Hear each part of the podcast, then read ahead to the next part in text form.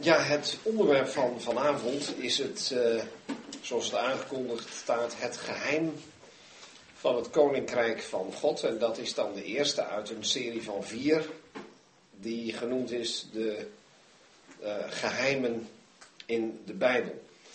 Nou zal in de meeste Bijbelvertalingen in geen van deze gevallen het woord geheim staan afgedrukt. Uh, wat u zult aantreffen in de vertalingen die ik hier in de Kamer verwacht, is dat het varieert van geheimenis tot verborgenheid. Maar dat zijn allebei deftige woorden voor het woord geheim.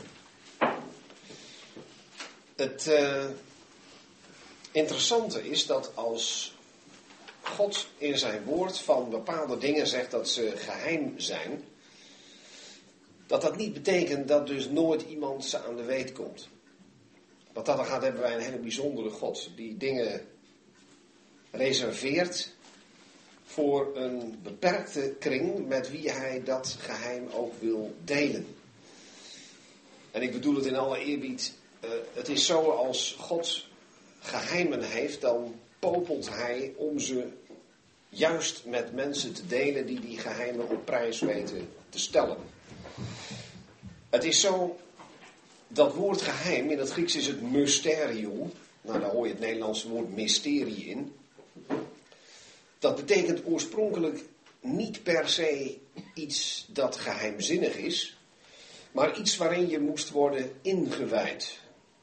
Heidense godsdiensten hadden ook hun geheimen, maar dat zijn dan hun inwijdingsrituelen. Maar omdat over dat soort rituelen nooit gesproken mocht worden, werd zo'n inwijdingsritueel uiteindelijk een geheim dat je met anderen deelde. En buiten die kring kwam het niet. Dit woord heeft uh, de Heer gebruikt ook om zijn geheimen, die in het woord van God staan, uh, aan te duiden. En dan is de betekenis inwijding of inwijdingsritueel uh, volledig komen te uh, vervallen. Dus dat woord heeft een, uh, een, verschuiving ondergaan.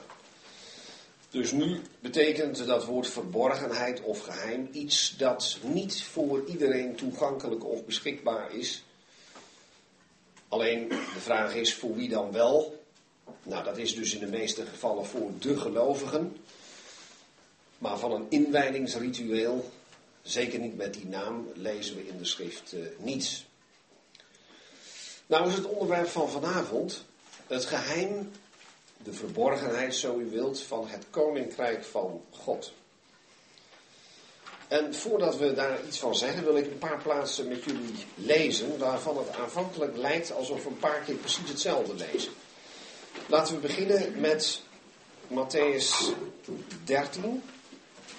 En zolang we alleen maar stukjes lezen van één vers, doe ik het graag zelf. Als we straks wat grotere stukken lezen, laat ik het graag ook gedeeltelijk door de kring heen gaan. Um, we duiken eerst even midden in het onderwerp om er vervolgens weer even wat afstand van uh, te nemen. In Matthäus 13, vers 11, lezen we het volgende. En ik val er bewust even middenin. En u zult straks wel begrijpen waarom ik dat doe. Matthäus 13, vers 11. Hij nu antwoordde en zei tot hen: Omdat het u, dat zijn hier de discipelen, is gegeven de verborgenheden van het koninkrijk der hemelen te kennen. Maar hun is het niet gegeven. Nou, het zou handig zijn als u daar even de vinger bij hield. Dan gaan we naar Marcus 4.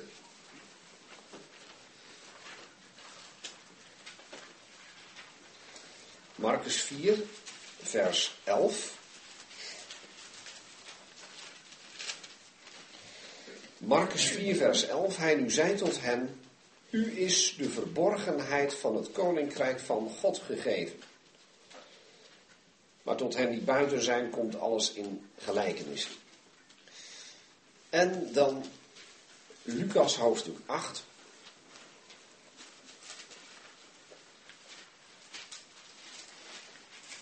Lucas 8, vers 10.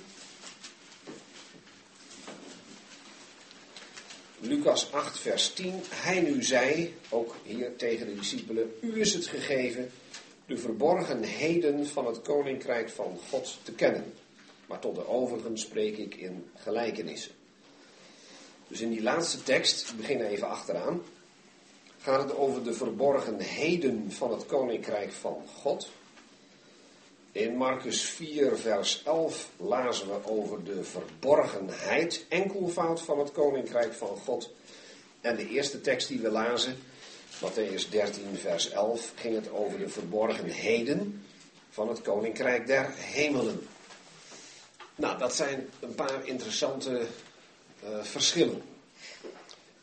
Ik begin met het, uh, dat wat misschien het uh, meest opvalt. Alleen Matthäus noemt dit koninkrijk het koninkrijk der hemelen. In de andere evangeliën staat die uitdrukking niet. Is sprake van, zoals we zojuist lazen, het koninkrijk van God. Dat verschil moeten we niet groter maken dan noodzakelijk. Je zou zelfs kunnen zeggen dat de hemelen een wat mystieke aanduiding zijn voor God. Je ziet dat ook bij de verloren zoon. Als die uh, overweegt om terug te keren naar zijn vader, dan zegt hij en realiseert hij zich: Ik heb gezondigd tegen de hemel en voor u. Nou, die u is die vader. En zondigen tegen de hemel is een uitdrukking die betekent zondigen tegen God. En als de evangeliën Marcus en Lucas op de plaatsen waar in Matthäus sprake is van het koninkrijk der hemelen spreken van het koninkrijk van God, is het hooguit een nuanceverschil. Een andere aanduiding van hetzelfde koninkrijk. En natuurlijk kun je je dan afvragen waarom spreekt Matthäus dan zo vaak over het koninkrijk der hemelen en de andere evangelisten van het koninkrijk van God? Nou, dat is een goede vraag. Um, het zal samenhangen met het karakter van het evangelie. Matthäus zegt dat natuurlijk nergens. Hij zegt niets van, geachte lezer, de reden waarom ik dat koninkrijk het koninkrijk der hemelen noem is, en dan de verklaring. Maar wie het evangelie naar Matthäus goed leest, die ziet dat Matthäus de Heer Jezus voorstelt als de koning. De Messias, de koning van Israël.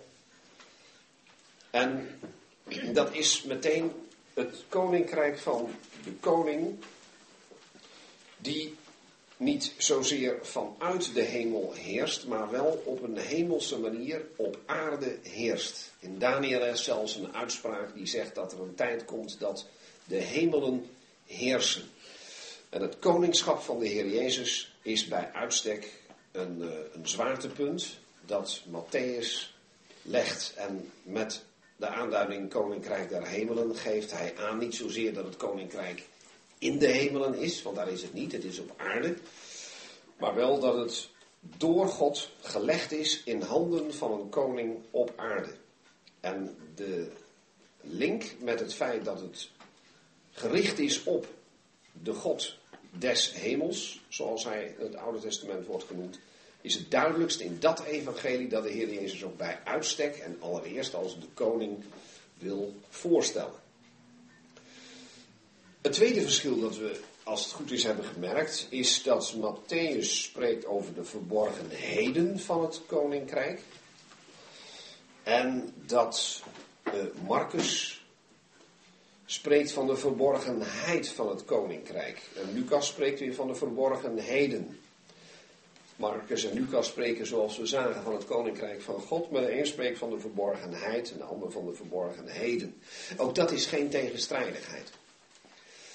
We zullen er straks over nadenken waarom het überhaupt een verborgenheid, een geheim wordt genoemd. Maar je zou nu al kunnen zeggen, kennelijk valt dat grote geheim van dat koninkrijk van God, wat het nou werkelijk is, uiteindelijk uiteen in een aantal geheimen. Oftewel, als je er voor het eerst naar kijkt, zou je kunnen zeggen: het is één grote verborgenheid, één groot geheim.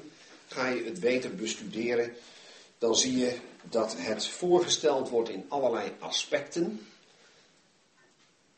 die weer naar voren komen in een aantal gelijkenissen. En je zou kunnen zeggen dat al die gelijkenissen, al die aspecten op zichzelf ook weer onderdelen van dat grote geheim, van die grote verborgenheid zijn en dus ook samenstellende geheimen. Overigens, nu ik dat zeg, aspecten van het Koninkrijk van God. Een boekje waar ik veel aan gehad heb in de voorbereiding hiervan. Ehm, is, uh, en dat zou ik hier juist even mogen zeggen, is een boekje van Hugo Bouter. Dat ook via de site van Oude Sporen uh, aan te klikken is. En dat heet Aspecten van het Koninkrijk van God. 48 pagina's. Met grote letter geschreven. Uh, dus uh, een aanmoediging voor iedereen die niet dagelijks dit soort lectuur raadpleegt om dat vooral te doen. Heel leerzaam, helder geschreven uh, brochure. Um, goed, een koninkrijk. Een verborgenheid. Een koninkrijk der hemelen dan wel van God. En dan zou je kunnen afvragen, ja, geheim, verborgenheid. Vind je in het hele Oude Testament dan niet al de verwachting van dat koninkrijk? En dan moet je zeggen, ja, er zijn heel wat profeten die geschreven hebben over een koning die komt en over een koninkrijk dat komt. Hoezo verborgenheid zou je kunnen zeggen? Was die verwachting dan verborgen? Nee, er werd openlijk over gepraat. En ook allerlei kenmerken van het koninkrijk zoals die oud-testamentische profeten het verwachten, vinden we in detail beschreven in het Oude Testament. En om het iets spannend te maken, zij spreken over het koninkrijk juist in zijn niet verborgen vorm. In het koninkrijk zoals het ooit gestalte zal krijgen hier op aarde. Dat is wat wij zijn gaan aanduiden met nieuwtestamentische taal als het vrederijk, het duizendjarig rijk. Daar is door diverse profeten over geschreven. En dat was nou net geen geheim. Je zou juist kunnen zeggen van dat koninkrijk lees je juist het meest in het Oude Testament. En er is als ik het even heel erg generaliseer, zeg misschien maar één detail dat in het Oude Testament niet vermeld staat, en dat is de duur van het koninkrijk. Dat is namelijk duizend jaar. In openbaring 20 lezen we tot zes keer toe dat het duizend jaar zal duren.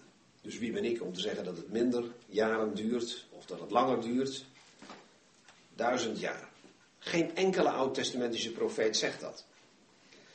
Maar ze vertellen wel allerlei bijzonderheden dat de leeuw en de berin daar uh, geen uh, vijandschap zullen hebben. Dat een jongen daar gewoon onbeschadigd tussendoor kan lopen. Uh, dat er geen mensen ziek meer zijn. Er worden allerlei fantastische dingen over het koninkrijk verteld.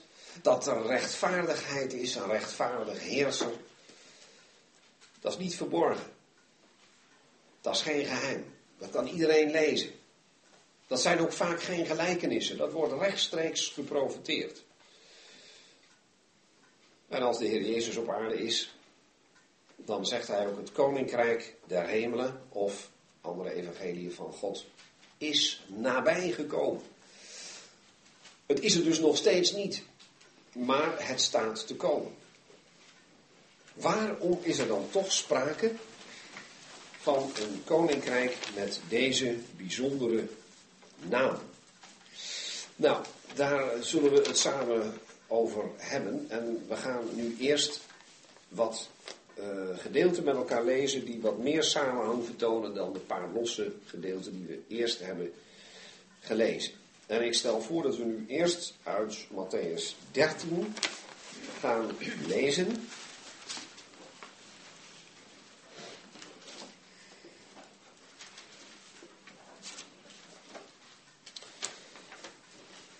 Zien. Dat is uh, Matthäus 13, eerste verse 24 tot en met 30. En ik stel voor dat uh, de zuster naast mij begint. En als we dan gewoon met de klok meedraaien, ieder, wat mij betreft, twee versen. Ja, zo draait het. Oh ja, ja. Volgens mij kan het maar op één manier. Ja, dacht het ook. Ja. Dus uh, vanaf vers 24 tot en met 30, en dan zal ik vertellen wat we daarna verder lezen. Hoeft u dat niet allemaal in één keer uh, te onthouden. Een andere gelijkenis hield hij hem voor en zei: Het koninkrijk der hemelen is gelijk geworden aan een mens die goed zaad in zijn akker zaaide. Terwijl echter de mensen sliepen, kwam zijn vijand en zaaide doding midden tussen de tarwe en ging weg. Toen nu het graan opkwam en vrucht voortbracht, toen kwam ook de dodik tevoorschijn. De slaven van de heer des huizes nu kwamen en zeiden tot hem, Heer, hebt u niet goed staat in uw akker gezaaid? Waar heeft hij dan de dodik vandaan? Hij nu zei tot hen, een vijandig mens heeft dat gedaan. De slaven nu zeiden tot hem, wilt u dan dat wij het gaan verzamelen? Hij echter zei, nee, opdat u bij het verzamelen van de dodelijk niet misschien tegelijk daarmee de tarwe uittrekt. Laat beide samen opgroeien tot oogst. En in de oogsttijd zal ik tot de waaiers zeggen, verzamelt eerst de dolik en bindt het in bossen om het te verbranden. Maar brengt de tarwe bijeen in mijn schuur. Ja, dan gaan we verder bij vers 36 tot en met 43. Toen liet hij de menigte gaan en kwam in het huis. En zijn discipelen kwamen naar hem toe en zeiden, verklaar ons de gelijkenis van de dolik op de akker. En u antwoordde en zei, hij die het goede zaait, zaad zaait, is de zoon des mensen. De akker is de wereld, het goede zaad, dat zijn de zonen van het koninkrijk. De dolik zijn de zonen van de boze. De vijand die het gezaaid heeft, is de duivel. De oogst is de verleiding van de eer en de naaiers zijn engelen. Zoals dan de dolik verzameld en met vuur verbrand wordt, zo zal het zijn in de verleiding van deze eeuw. De zoon des mensen zal zijn engelen uitzenden en zij zullen uit zijn koninkrijk verzamelen alle struikelblokken en hen die de wetteloosheid doen. En zij zullen hen in de vurige oven werpen, daar zal, daar zal gejammer zijn en tandige knars. Dan zullen de rechtvaardigen stralen als de zon in het koninkrijk van hun vader. Wie oren heeft om te horen wat hij hoort. Ja, voorlopig even deze beide uh, gedeelten. Als vanavond nou het onderwerp was geweest de gelijkenissen van het Koninkrijk der Hemelen in Matthäus 13, dan uh, zou dat wel heel erg veel geweest zijn. En uh, expres hebben Hans en ik, hoewel we dat niet letterlijk tegen elkaar gezegd hebben, de titel wat ruimer genomen. En jullie hebben al gemerkt waar ik het accent op leg. Het ging immers over de geheimen. En daarom heb ik net geprobeerd uit te leggen waarom dat koninkrijk zoals we dat vanavond overdenken, nou een geheim, een verborgenheid wordt genoemd. In de Matthäus 13 vinden we in het allereerste vers, we hebben dat niet gelezen, een merkwaardig zinnetje. En ik kom zo van daaruit op de gelijkenis die we net gelezen hebben, ook de uitleg daarvan. Matthäus 13, vers 1. Op die dag ging Jezus uit het huis en ging zitten bij de zee. En dan volgt daar de gelijkenis van de zaaier.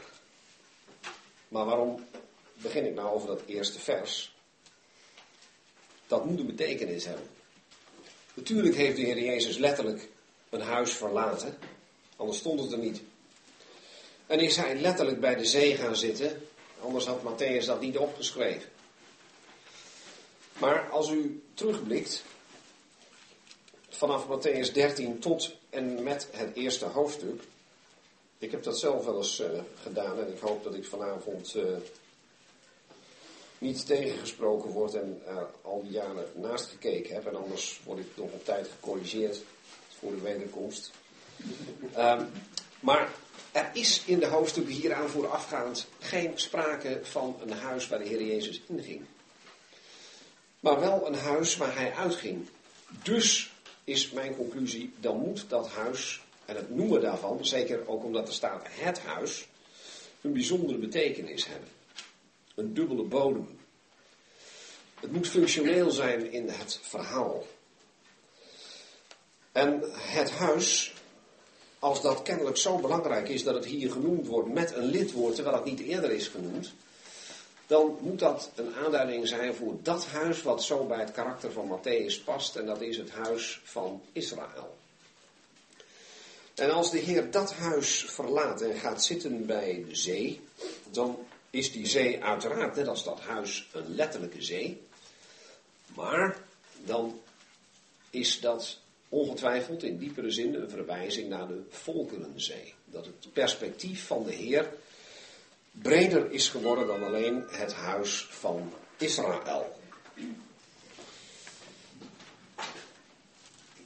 Dat is belangrijk omdat we vanaf uh, dit hoofdstuk zullen maken dat het koninkrijk, zoals de godsdienstige Joden het verwachten, een ander karakter gaat krijgen. Niet alleen meer beperkt zal zijn tot Israël, en daar worden we al voorbereid in dat eerste zinnetje dat ik nu net even eruit heb gelicht. Daarna vertelt de Heer Jezus de gelijkenis van de zaaier. En wat opvalt in die bijzondere uh, gelijkenis, is dat het zaad niet alleen maar positieve effecten heeft. Die zaaier die zaad, uh, gaat zijn zaad zaaien, maar niet alle zaad valt op een plek waar het ook definitief vrucht draagt. Om destijds willen heb ik die gelijkenis niet gelezen, maar daar begint het meteen mee. Het woord koninkrijk is hier overigens in Matthäus 13 de eerste negen versen nog niet genoemd. Maar we worden er wel op voorbereid. Er is sprake van goed zaad, dat uiteindelijk in één geval opkomt, maar niet al dat zaad dat op zich goed is, komt op.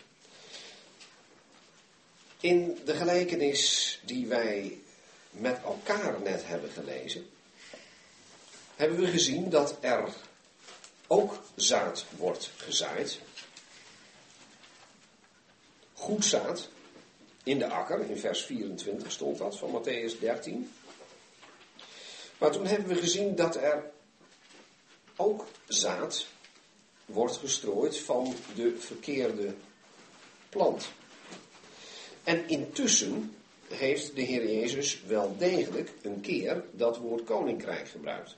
Niet in Matthäus 13, vers 1 tot 9, maar wel in vers 11. Want in vers 10 staat, waarom spreekt u in gelijkenissen, zeggen de discipelen. En dan antwoordt de Heer en zegt, omdat het u is gegeven de verborgenheden van het koninkrijk der hemelen te kennen. Aha, dan weten we dus ook, de gelijkenis van de zaaier heeft te maken met dat koninkrijk in zijn verborgen karakter. En wat we gezien hebben is al een tweetal kenmerken. Niet meer uitsluitend beperkt tot Israël. En niet alle zaad draagt vrucht. Bij de gelijkenis van de dolik onder de tarwe zien we vanaf vers 24 dat er zelfs verkeerd zaad opkomt naast het goede zaad en er niet van kan worden onderscheiden. Er wordt gezegd in vers 28 dat er sprake is van een vijandig mens. En die mens die is gaan zaaien in vers 25 terwijl de mensen sliepen. Geen ideale situatie van een koninkrijk. Daar wordt gezaaid, maar er zijn mensen die slapen. Er is een vijandig mens en die gooit, zouden wij zeggen, zand in de machine. Die zaait het verkeerde zaad. En er mag niet worden opgetreden. In vers 28b vragen de slaven aan de Heer: Wilt u dan dat wij het, hè, namelijk dat verkeerde, de verkeerde vrucht gaan verzamelen? Hij echter zei nee, omdat u bij het verzamelen van de doling niet misschien tegelijk daarmee de tarwe uittrekt. En dan moeten beide tot de oogst blijven staan. Want dan is het verschil zichtbaar. En dan moet datgene wat verkeerd is, in dat koninkrijk dus, in bossen worden gebonden om het verbrand te verbranden. En de tarwe, vers 30, laatste regel, moet dan naar de schuur. Het mooie is dat de Heer Jezus die gelijkenis ook uitlegt. Maar niet alleen aan de mensen die het vragen. Ik bedoel eigenlijk zelfs dat de Heer die kring inperkt. In vers 36 staat namelijk, toen liet hij de menigten gaan en kwam in het huis. En nu is het huis het huis dat we al uh, gezien hebben, wat genoemd wordt in 13 vers 1. En wie komen daar naar hem toe? Laten we het voorlopig even gewoon als dat letterlijke huis zien met zijn letterlijke discipelen die naar hem toe komen. En die zeggen, verklaar ons de gelijkenis van de dolik op de akker. Hij nu antwoordde en zei. Nou, zij zijn diegenen aan wie het gegeven is die verborgenheden te kennen. De menigten zijn hier weggestuurd en in de intimiteit van het huis vertelt de meester hier wat er aan de hand is. Nou, en dan geeft de Heer in een paar trefzekere zinnen aan wat die gelijkenis betekent. Vers 37, hij die het goede zaad zaait, is de zoon des mensen. De akker is de wereld. Het goede zaad zijn de zonen van het koninkrijk. De dolik zijn de zonen van de boze. De vijand die het gezaaid heeft is de duivel. De oogst is de voleinding van de eeuw. De maaiers zijn engelen.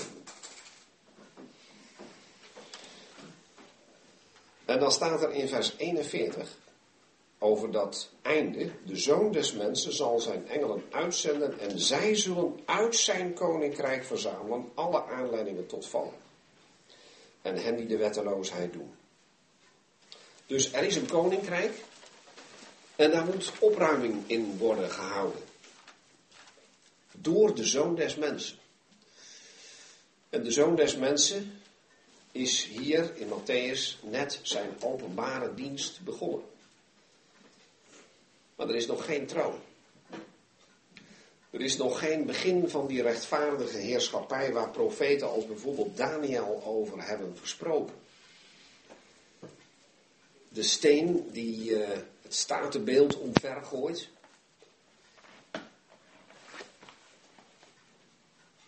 Moet nog die rechtvaardige regering beginnen. Ik, ik zal dat er nu, om het niet ingewikkeld te maken, verder buiten houden. Maar de Heer spreekt hier over een einde en in feite ook over een begin, want er wordt gezaaid door de zoon des mensen. Op de akker, op de wereld. Daar is hij nu gekomen. En dat wordt toch een koninkrijk genoemd. Want de persoon die daar is, de zoon des mensen, ja, zo is hij ook door Daniel al aangeduid. En hij zal ook gaan regeren op die zichtbare manier waar de oud-testamentische profeten over gesproken hebben. Maar kennelijk is daaraan voorafgaand een koninkrijk dat het karakter heeft van een verborgenheid, een geheim. Dat voor die tijd niet op die manier uh, bekend was. Dat koninkrijk zoals de oud-testamentische profeten het kenden, was nog toekomst en is nog steeds toekomst.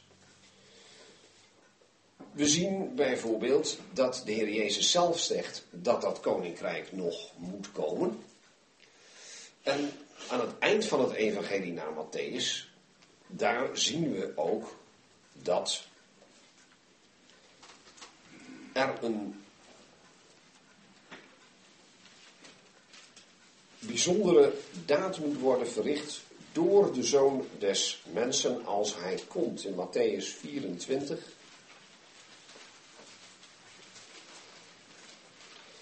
Vers 30. De Heer spreekt, heeft met zijn discipelen gesproken over de toekomst, de verwoesting van de tempel.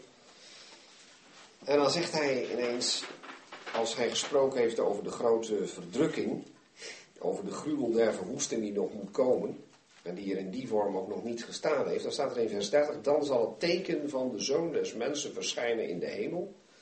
En dan zullen de stammen van het land weeklagen en zij zullen de zoon des mensen zien komen op de wolken van de hemel met kracht en grote heerlijkheid.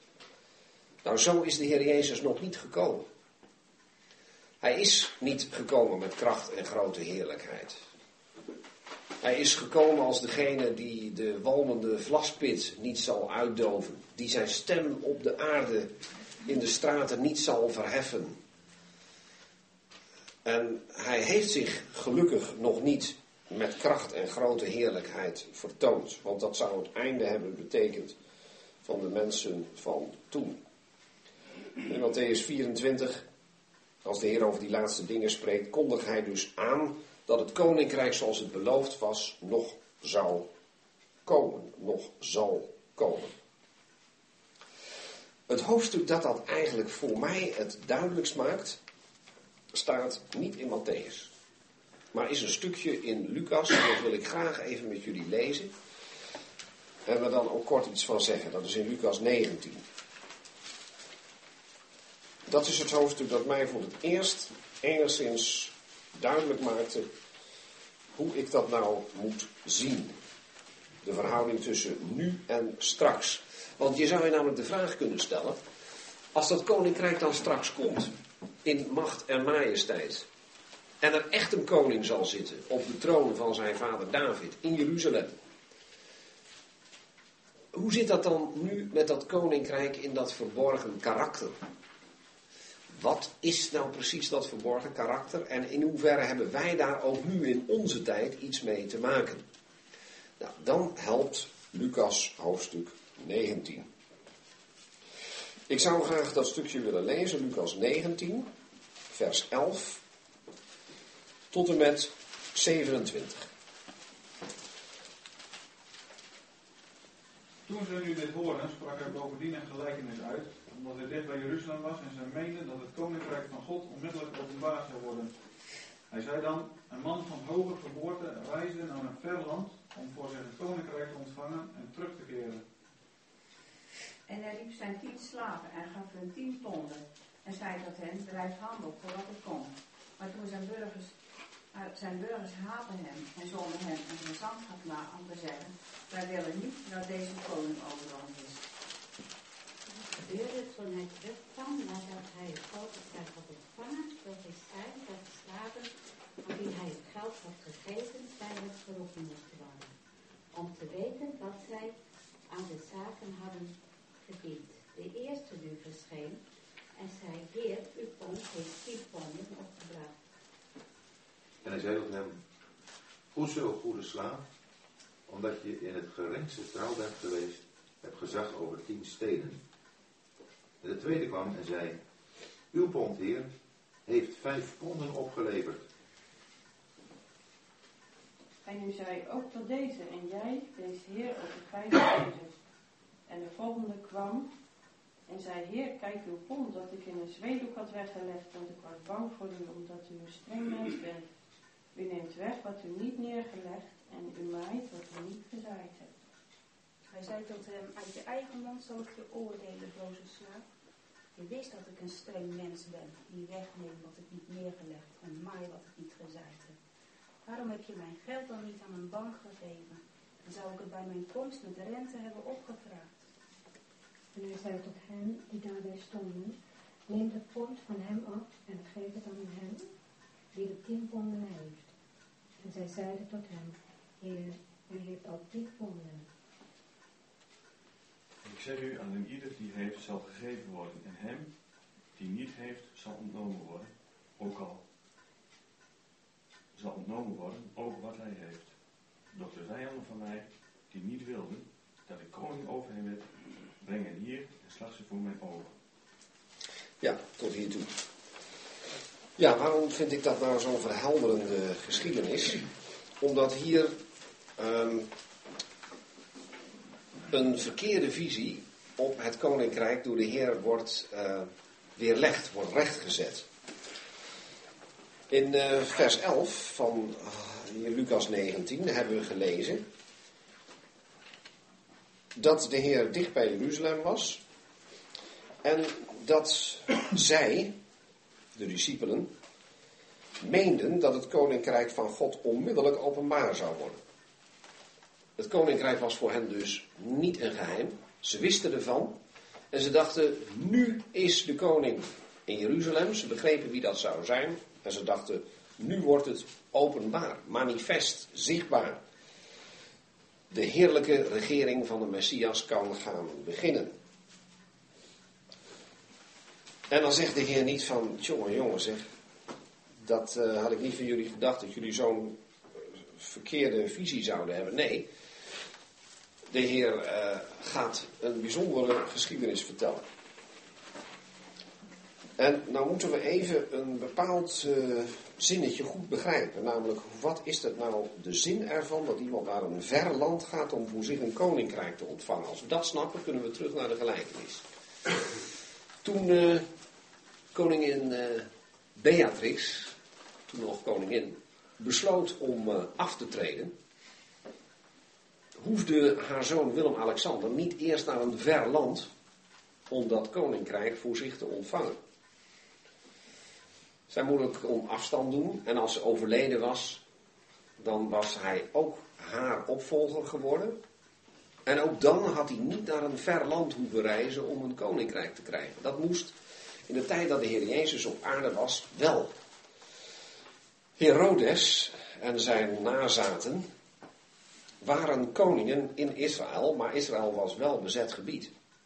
De echte baas zat in Rome, dat was de Romeinse keizer. En als dus een koning rechtmatig op de troon in Israël zat volgens het recht van de Romeinen, dan moest zo'n koning ook echt naar Rome om zich officieel koning te laten maken en weer terug te gaan. Dus dit was een beeld dat de mensen in die tijd kenden. Je moest vanuit Israël naar een ver land, naar Rome, naar Italië, om daar koning te worden. En Rome kon ook diezelfde koningen in Jeruzalem het licht uitdraaien. En dat is ook wel gebeurd. Als ze het slecht deden, dan werden ze vervangen. Nou, als we ons dat realiseren, dan gebruikt de Heer eigenlijk een heel mooi beeld. Want iedereen begreep dat dat op zichzelf iets herkenbaars was. En wat zegt de Heer nou als gelijkenis? Dat er iemand van hoge geboorte was. Je zou zeggen, nou, die heeft dus recht op de troon. Maar reisde naar een ver land om voor zich een koninkrijk te ontvangen en terug te keren. Ja, want dan kon hij pas gaan regeren. Zo iemand van de Herodes-familie moest eerst officieel aangesteld worden in Rome en dan kon hij zijn regering beginnen. Iedereen wist al dat hij het zou worden. Ze zagen hem als het ware het schip opgaan, ze konden hem uitzwaaien. Hij ging naar Rome. Iedereen wist, dat wordt de nieuwe koning. Maar hij moest wel eerst het koningschap officieel uit handen van de keizer ontvangen. Nou, nu zegt de Heer iets en dat gaat in feite over zichzelf. Want het ging hier immers over het koninkrijk van God. Ze dachten dat dat onmiddellijk openbaar zou worden. Dus dan zegt de Heer, nou moet je heel goed luisteren. Er gaat een man van hoge geboorte, dat is natuurlijk de Heer zelf, die reist naar een ver land, de hemel, om voor zich een koninkrijk te ontvangen. Nou, wat is er met de Heer gebeurd toen hij geleden had? Toen men hier op aarde liet zien dat er geen plaats voor hem was. Hij kreeg een kroon in de hemel. Hebreeën 2, vers 8. Hij is in de hemel met eer en heerlijkheid gekroond.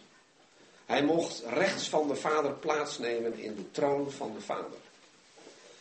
Maar hij wacht daar totdat zijn vijanden gelegd zullen zijn tot een voetbank voor zijn voeten. Die vijanden zijn op aarde. En die zijn nog niet als een voetbank aan zijn voeten gelegd. Hij wacht daar. Maar hij is al gekroond. Maar hij moet nog terugkeren. En dat is wat we hier ook vinden. Om voor zich een koninkrijk te ontvangen en terug te keren. Maar het interessante is, die man van hoge geboorte, die heeft wel slaven. En vanaf vers 13 zie je dat hij die aan het werk zet. Ze krijgen allemaal uh, iets toevertrouwd. Daar, daar, wil ik nou verder niet in detail op ingaan. Ze moeten met dat toevertrouwde pond, hè, laten we gemakshalve zeggen een kwak geld, uh, handel drijven. Zorgen dat het meer wordt. En dan komt daar een periode voor deze slaven dat ze terwijl hun heer, van wie ze weten dat hij koning wordt, van wie ze weten dat hij gaat regeren, dat hij nog niet terug is, dat ze toch in zijn dienst moeten werken. En stevig met dat pond aan de slag moeten. En wat zie je dan? Dat er ook nog een andere groep is, dat zijn zijn burgers. Dat zijn de mensen van het Joodse volk die hem hebben verworpen. Die willen niet dat hij over hen regeert. Die sturen hem een gezantschap achterna. Dat is zelfs een keer letterlijk gebeurd. En zeggen wij willen niet dat deze over ons regeert, over ons koning is. Hebben ze daarmee het koningschap verhinderd? Nee. Ze hebben het hooguit uitgesteld. Wat ze niet wisten, is dat de Heer dat koningschap toch gewoon ontvangt. En dan lees je in vers 15 dat hij terugkomt. Nadat hij het koninkrijk had ontvangen. En dan worden die mensen die tijdens zijn afwezigheid actief zijn geweest, één voor één bij hem geroepen. En we hebben gezien, de een heeft met dat pond meer klaargespeeld dan de ander. Gaat het nu even niet om. Twee van hen worden geprezen. En wat krijgen ze als beloning? Vers 17 aan het eind. Heb gezag over tien steden. En die volgende, vers 19 aan het eind. En jij wees heer over vijf steden. Over die ene knecht die uh, zo geleefd heeft dat hij duidelijk geen rekening hield met de terugkomst van de koning. Uh, laat ik me nu even niet uit. Waar het mij om gaat is. Deze mensen hebben tijdens de afwezigheid van de koning, maar wel in afwachting van hem, hem trouw gediend. En waar worden ze mee beloond? Met een stuk regeringsverantwoordelijkheid in het koninkrijk. Over tien steden, over vijf steden. De mate van trouw waarmee ze hem gediend hebben in zijn afwezigheid zal zichtbaar worden in de beloning, in de regeringsverantwoordelijkheid die ze in, toekomst, die ze in de toekomst zullen hebben. Als ze een keer met hun Heer zullen gaan regeren over die vijf of over die tien steden, is het koninkrijk zichtbaar, is het aangebroken. Dat is de fase van het koninkrijk die niet verborgen is. Maar dat stukje ervoor, als de koning al wel in de hemel gekroond is, maar nog niet op aarde regeert, en zijn slaven, zijn dienstknechten hem hier op aarde wel trouw dienen, dat is het koninkrijk in de verborgen vorm. Het koninkrijk in de vorm zoals wij het vandaag kennen. En dat is toch wel een hele mooie uh, gedachte. En dat koninkrijk was er dus ook niet in het Oude Testament. Mensen als Abraham, Mozes en David waren niet in dat koninkrijk. Het koninkrijk der hemelen, zei de Heer Jezus, is nabij. Maar de Heer is verworpen. Vandaar in de gelijkenissen dat hij zegt: Het koninkrijk der hemelen is gelijk geworden aan. Het heeft een karakter gekregen dat anders is dan straks. We hebben net in Lucas 19 gelezen dat als de Heer terugkomt, hij een einde maakt aan alles wat fout is. Die slechte mensen moeten zelfs in zijn bijzijn worden afgeslacht. De regering begint met een schone lei. Het kwaad is weg.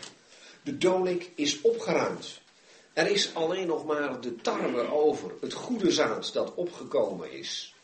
Mensen die het woord in een goed en trouw hart hebben bewaakt, zullen straks met hem regeren in zijn zichtbare koninkrijk. Dan is het toch goed om nog even na te denken over de vraag: waarom wordt dat koninkrijk in onze tijd, dus de tijd tussen de Heer Jezus' eerste komst en zijn tweede komst in heerlijkheid, waarom wordt dat dan een verborgen koninkrijk genoemd? De fase van het koninkrijk waarin de vijand actief is en nog niet bestraft is. Nou, daar zou ik een vijftal redenen voor willen noemen. En daar gaan we weer een beetje bladeren. De tijd zorgvuldig in de gaten houden, volgens mij lukt dat precies.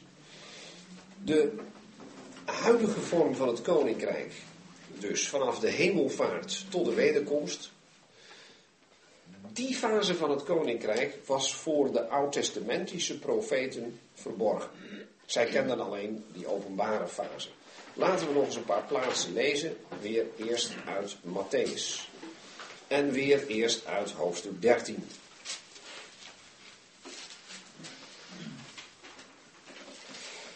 Um, omdat het steeds één tekst is, doe ik ze liefst zelf. Dan kan ik zo meteen becommentariëren, als uh, jullie dat goed vinden. Matthäus 13, vers, ik begin bij 34. Matthäus 13, vers 34. Al deze dingen sprak Jezus in gelijkenissen tot de menigte. En zonder gelijkenis sprak hij niet tot hen, opdat vervuld werd wat gesproken is door de profeet die zei: Ik zal mijn mond open doen in gelijkenissen. Matthäus 13, vers 35 nu. Ik zal dingen uitspreken die van de grondlegging van de wereld af verborgen zijn geweest. Nou, wat de Heer besproken heeft, is dus een koninkrijk waar goed en kwaad in nog niet geoordeelde vorm naast elkaar aanwezig is. Daarover is niets gesproken. Sterker nog, de Heer zegt dat was verborgen vanaf de grondlegging van de wereld. En de Heer doet er nu zijn mond over open. In feite door het geheim te onthullen, niet aan de menigten, maar aan de discipelen. Dan in ditzelfde evangelie, hoofdstuk 21, Matthäus 21.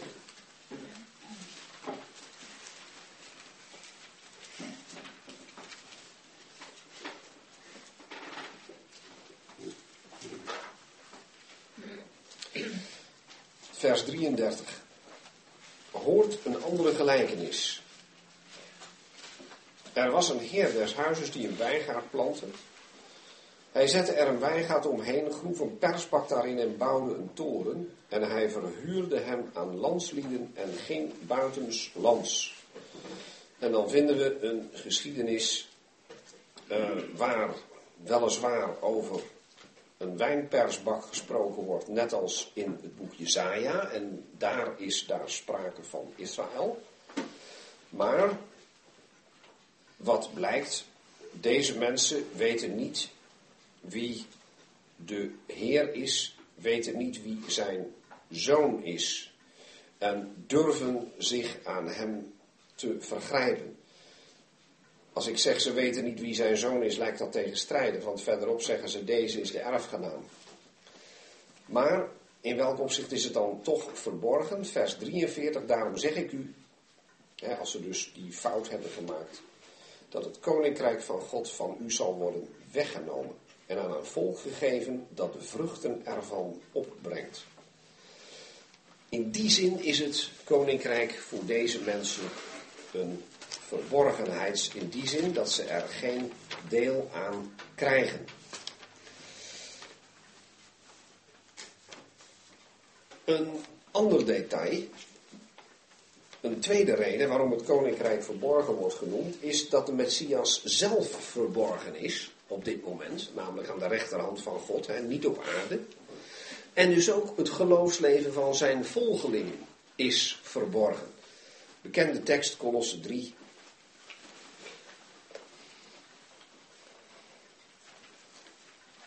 Vers 3. Colosse 3, vers 3, want u bent gestorven en uw leven is met Christus verborgen in God. Dat is nu. En dan komt ook straks, wanneer Christus uw leven geopenbaard wordt, dus niet meer verborgen is, dan zult ook u met hem geopenbaard worden in heerlijkheid. Dus een tweede reden waarom dat koninkrijk verborgen is. wij zijn immers degene die in de tijd dat het koninkrijk verborgen is, met de koning die buitenslands is verbonden uh, mogen zijn, vinden we hier in Colosse 3, vers 3. De Messias zelf is verborgen, de Christus aan de rechterhand van God. En parallel daarmee ook het geloofsleven van zijn volgelingen. Een derde reden. Die koning is op zo'n manier zelfs verborgen dat je gemakkelijk zou denken dat hij helemaal niet regeert. En daar ga ik geen tekst voor lezen, want dat hebben we al gedaan. Je zou namelijk kunnen denken, hoe kan dat nou? Er is een koning, we weten wie dat is. Hem is gegeven alle macht in de hemel en op aarde. En wat zien we hier op aarde? Ook in de christenheid een mengeling van goed en kwaad. Zijn regering is verborgen. We weten dat alle dingen hem onderworpen zijn. Maar de schrijver van de brief aan de Hebreeën zegt, maar wij zien nog niet alle dingen aan hem onderworpen. Maar Wij zien Jezus. En de beschrijving die de auteur dan in hoofdstuk 2 geeft van de Heer Jezus is van de Heer Jezus als gekroond rechts van de troon in de hemel. Maar het regeren moet nog komen. Dus in die zin is de koning verborgen en ook zijn regering. Zelfs op zo'n manier dat zijn regering gemakkelijk kan worden ontkend, worden gelogend. Ja, en dan keren we even terug naar Matthäus 13. Wat werkelijk kostbaar is in dat koninkrijk voor God, dat wordt ons gelukkig wel onthuld hier. Maar het is wel verborgen. En dan denk ik aan de twee gelijkenissen van de schat en de parel. En dan moeten we naar Matthäus 13, vers 44. En dat lezen we tot en met 46. Daar staat Matthäus 13, vers 44, het koninkrijk der hemelen is gelijk aan een schat. Dus eigenlijk moet je niet zo lezen als ik het nu doe. Maar dan denk je, oh, dat koninkrijk is een schat. Nee, het hele verhaaltje dat nu komt, de hele gelijkenis, is een gelijkenis van het koninkrijk in de huidige vorm. Dus het koninkrijk der hemelen is gelijk aan een schat in de akker verborgen die een mens vond en verborg. En vanwege zijn blijdschap daarover gaat hij heen en verkoopt alles wat hij heeft en koopt die akker. We hebben twee keer gelezen over verborgen.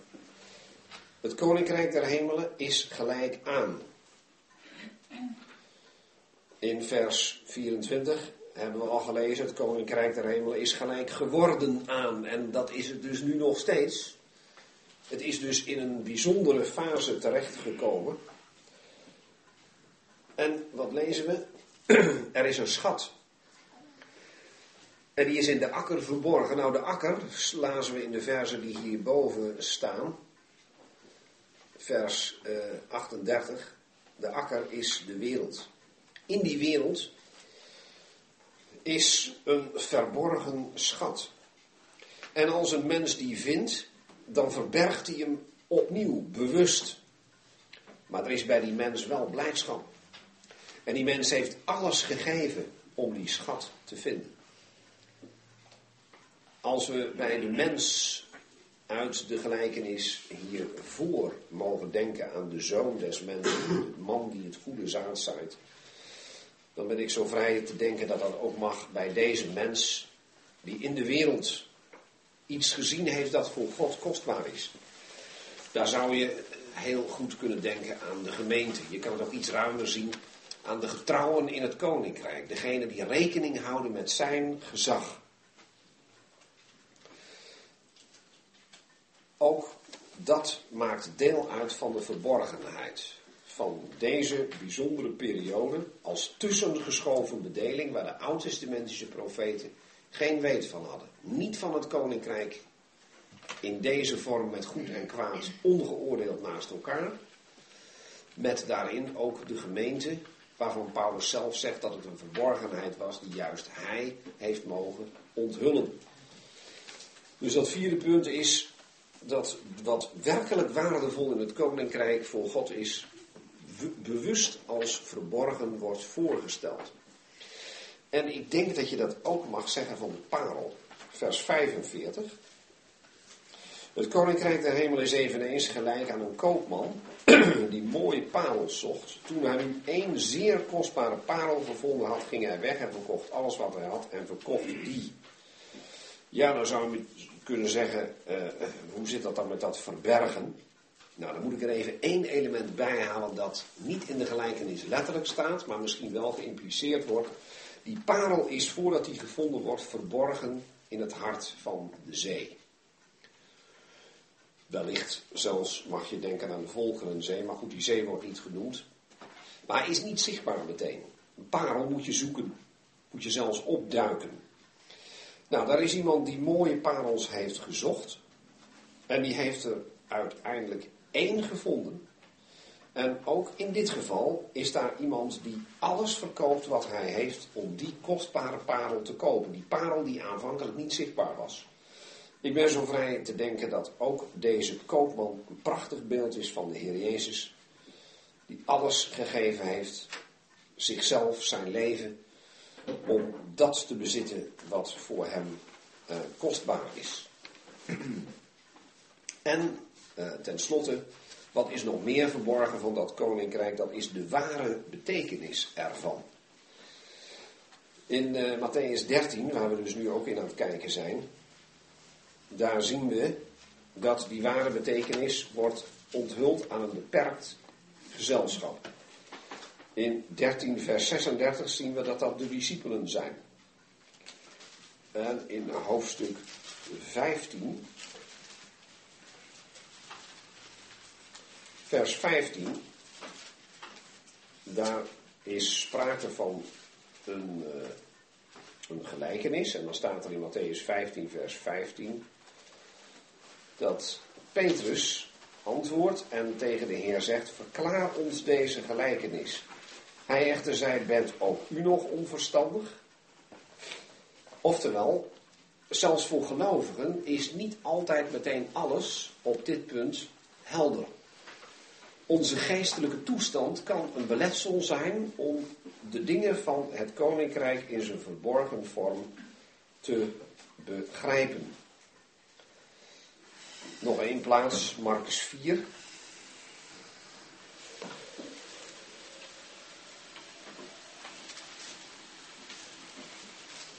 Vers 34. Eigenlijk een bevestiging van wat we al uh, gelezen hebben. Een soort afronding na het vertellen van een aantal gelijkenissen. Marcus 4, vers 34. Met vele zulke gelijkenissen sprak hij het woord tot hen nadat zij het konden horen. Zonder gelijkenis sprak hij niet tot hen, maar afzonderlijk verklaarde hij alles aan zijn eigen discipelen. Ja, dat is natuurlijk geweldig als je ook in de ruimere zin van het woord tot die discipelen van de Heer mag behoren. Wij zijn nu nog niet zover dat we mee regeren in dat koninkrijk. We zijn uh, in feite nu nog onderdanen erin. En dan zou je kunnen zeggen, maar moeten wij dan toch ook niet dingen laten zien van die koning, van dat koninkrijk? Ik weet niet of ik daar overheen kom. ik heb nog een paar enkele afrondende opmerkingen, als dat nog even mag. Door het uh, stormgebruis. En dat is dit. Uh, laten we even lezen, Romeinen 14.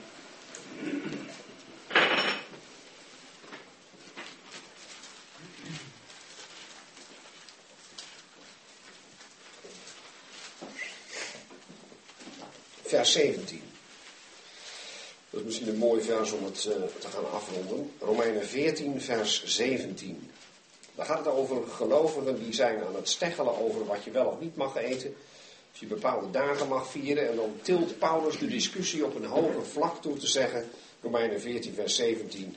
Het koninkrijk van God is niet eten en drinken. Maar rechtvaardigheid, vrede en blijdschap in de Heilige Geest. Want wie Christus daarin dient, is voor God welbehagelijk en bij de mensen beproefd. Je zou het zo kunnen zeggen. Is er straks hier op aarde sprake van een wereldwijde, zichtbare regering in gerechtigheid? Jazeker. Dan mogen wij dat kenmerk van het koninkrijk in ons persoonlijk leven nu alvast laten zien. Want als het goed is, zijn wij die getrouwe slaven, die de gekroonde koning, die nog niet regeert, maar wiens gezag wij herkennen in onze harten, die wij graag willen dienen. Met andere woorden, dat kenmerk van gerechtigheid willen wij nu al laten zien. Is dat koninkrijk straks een vrederijk, een rijk zonder oorlog?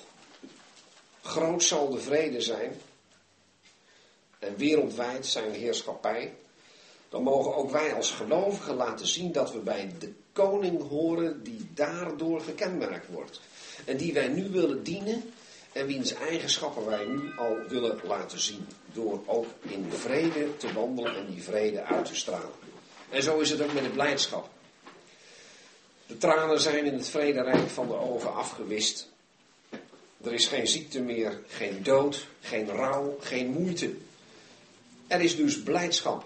Um, even het verhaal afmaken. Uh, ook die blijdschap, uh, die straks wereldwijd uh, op aarde zichtbaar en tastbaar zal zijn, die mag ook ons nu al kenmerken.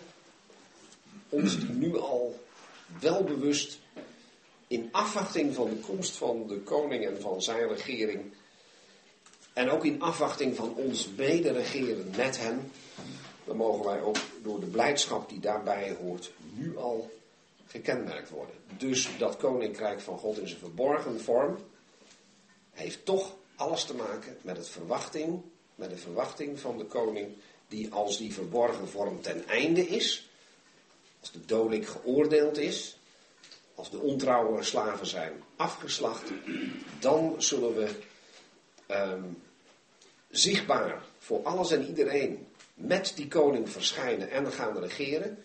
Maar de kenmerken van zijn heerschappij hier op aarde mogen wij nu al uitstralen. Rechtvaardigheid, vrede en blijdschap. Dat is het koninkrijk in zijn verborgen vorm nu.